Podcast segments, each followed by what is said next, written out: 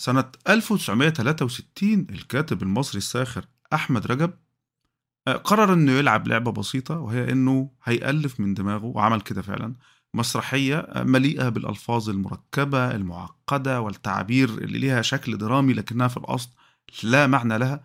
وسمى المسرحية دي الهواء الأسود اسم يعبر عن المصيبة اللي هو بيعملها. وبعد ذلك نشرها في مجلة صباح الخير وقعد على جنب ينتظر تعليقات النقاد.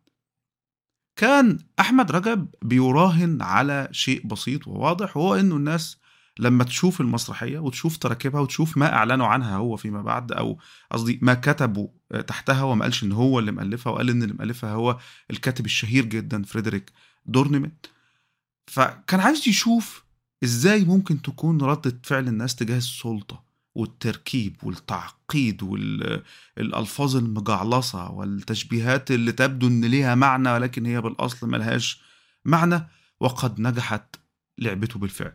بعدها بفترة بدأ بعض النقاد يظهر ويتحدث عن هذه المسرحية وأنها كانت من الأعمال المنسية كما يبدو وأنها يجب أن يعاد دراستها بشكل واضح لأنها تعيد كتابة تاريخ المسرح بصورة لم نكن لنتخيلها وأنه ما كتبه فريدريك دورنيمات في هذه المسرحية هو شكل من أشكال التأويل الحديث وانطلق بقى في هذه الألفاظ برضو. الرد كان مجعلص ومركب وبعدها ككاتب ساخر أحمد رجب أعلن فضح هؤلاء ما فضحوهمش بالاسم يعني ولكن أعلن أنها كانت لعبة وأنه هذه المسرحية كانت من تأليفه.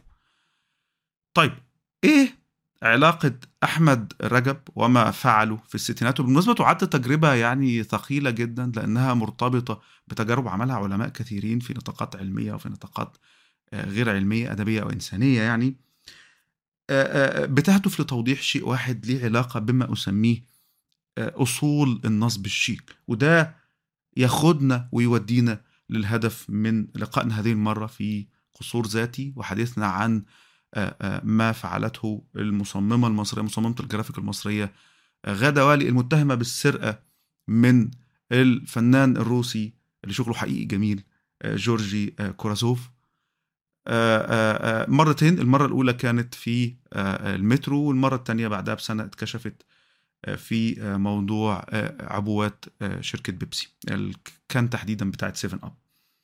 أول سؤال الناس كتير بتقع في في الخطأ. خلينا أوضح نقطة مهمة إنه بيتصوروا إنه هي إزاي سرقت من الراجل مرة. أو السرقة طبعا كانت واضحة يعني أنا يعني حتى الأستاذ عمرو أديب في البرنامج بتاعه كان واضح تماما في إنه يقول أيوه بس الشبه واضح جدا يعني, يعني الأمر لا مش محتاج لجنة فنية يعني علشان تكشف الشف يعني. آآ آآ ولكنه واضح خالص يعني سواء في الحالة الأولانية أو في الحالة الثانية الخطوط الدوائر الأقواس يعني الموضوع واخد بتاخد بالملي يعني. المهم آآ آآ إيه سبب التكرار بتاع الحكاية؟ ودي من النقط مهمة جدا هو الفكرة يا جماعة إنه وربما كثيرين ما يعرفوش إنه في جايزة أعتقد اسمها واتكنز 2023 الجايزة دي أعلنت ومن الفايزين بالجايزة دي كان تصميمات غادة والي لل can العبوة بتاعت ال cans بتاعت بيبسي في Seven Up وكله. ومن هنا يبدو إن الأمر أعيد مرة أخرى ظهر مرة أخرى للنور وعد على كوراسوف. ومن هنا عرف القصة أو حد من المعروف من اللي يعرفوه.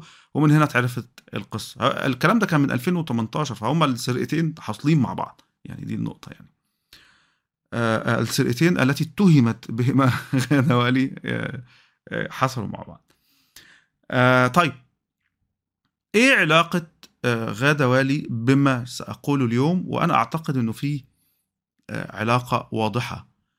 آه لأنه هذا النوع من الاتهامات لا يقتصر فقط على شخص تمكن بطريقة ما من أنه ينصب على شخص اللي هو إحنا الجمهور المصري مثلا والناس اللي شغالة في الإدارات دي والمناطق بتاعت الشغل يعني لفترة طويلة من الزمن الأمر لا, لا يقف على سرقة واحدة ولكنه يقف على أسلوب في السرقة وهو أسلوب حياة بيتبعه الشخص علشان يقدر يمر من خلال الناس.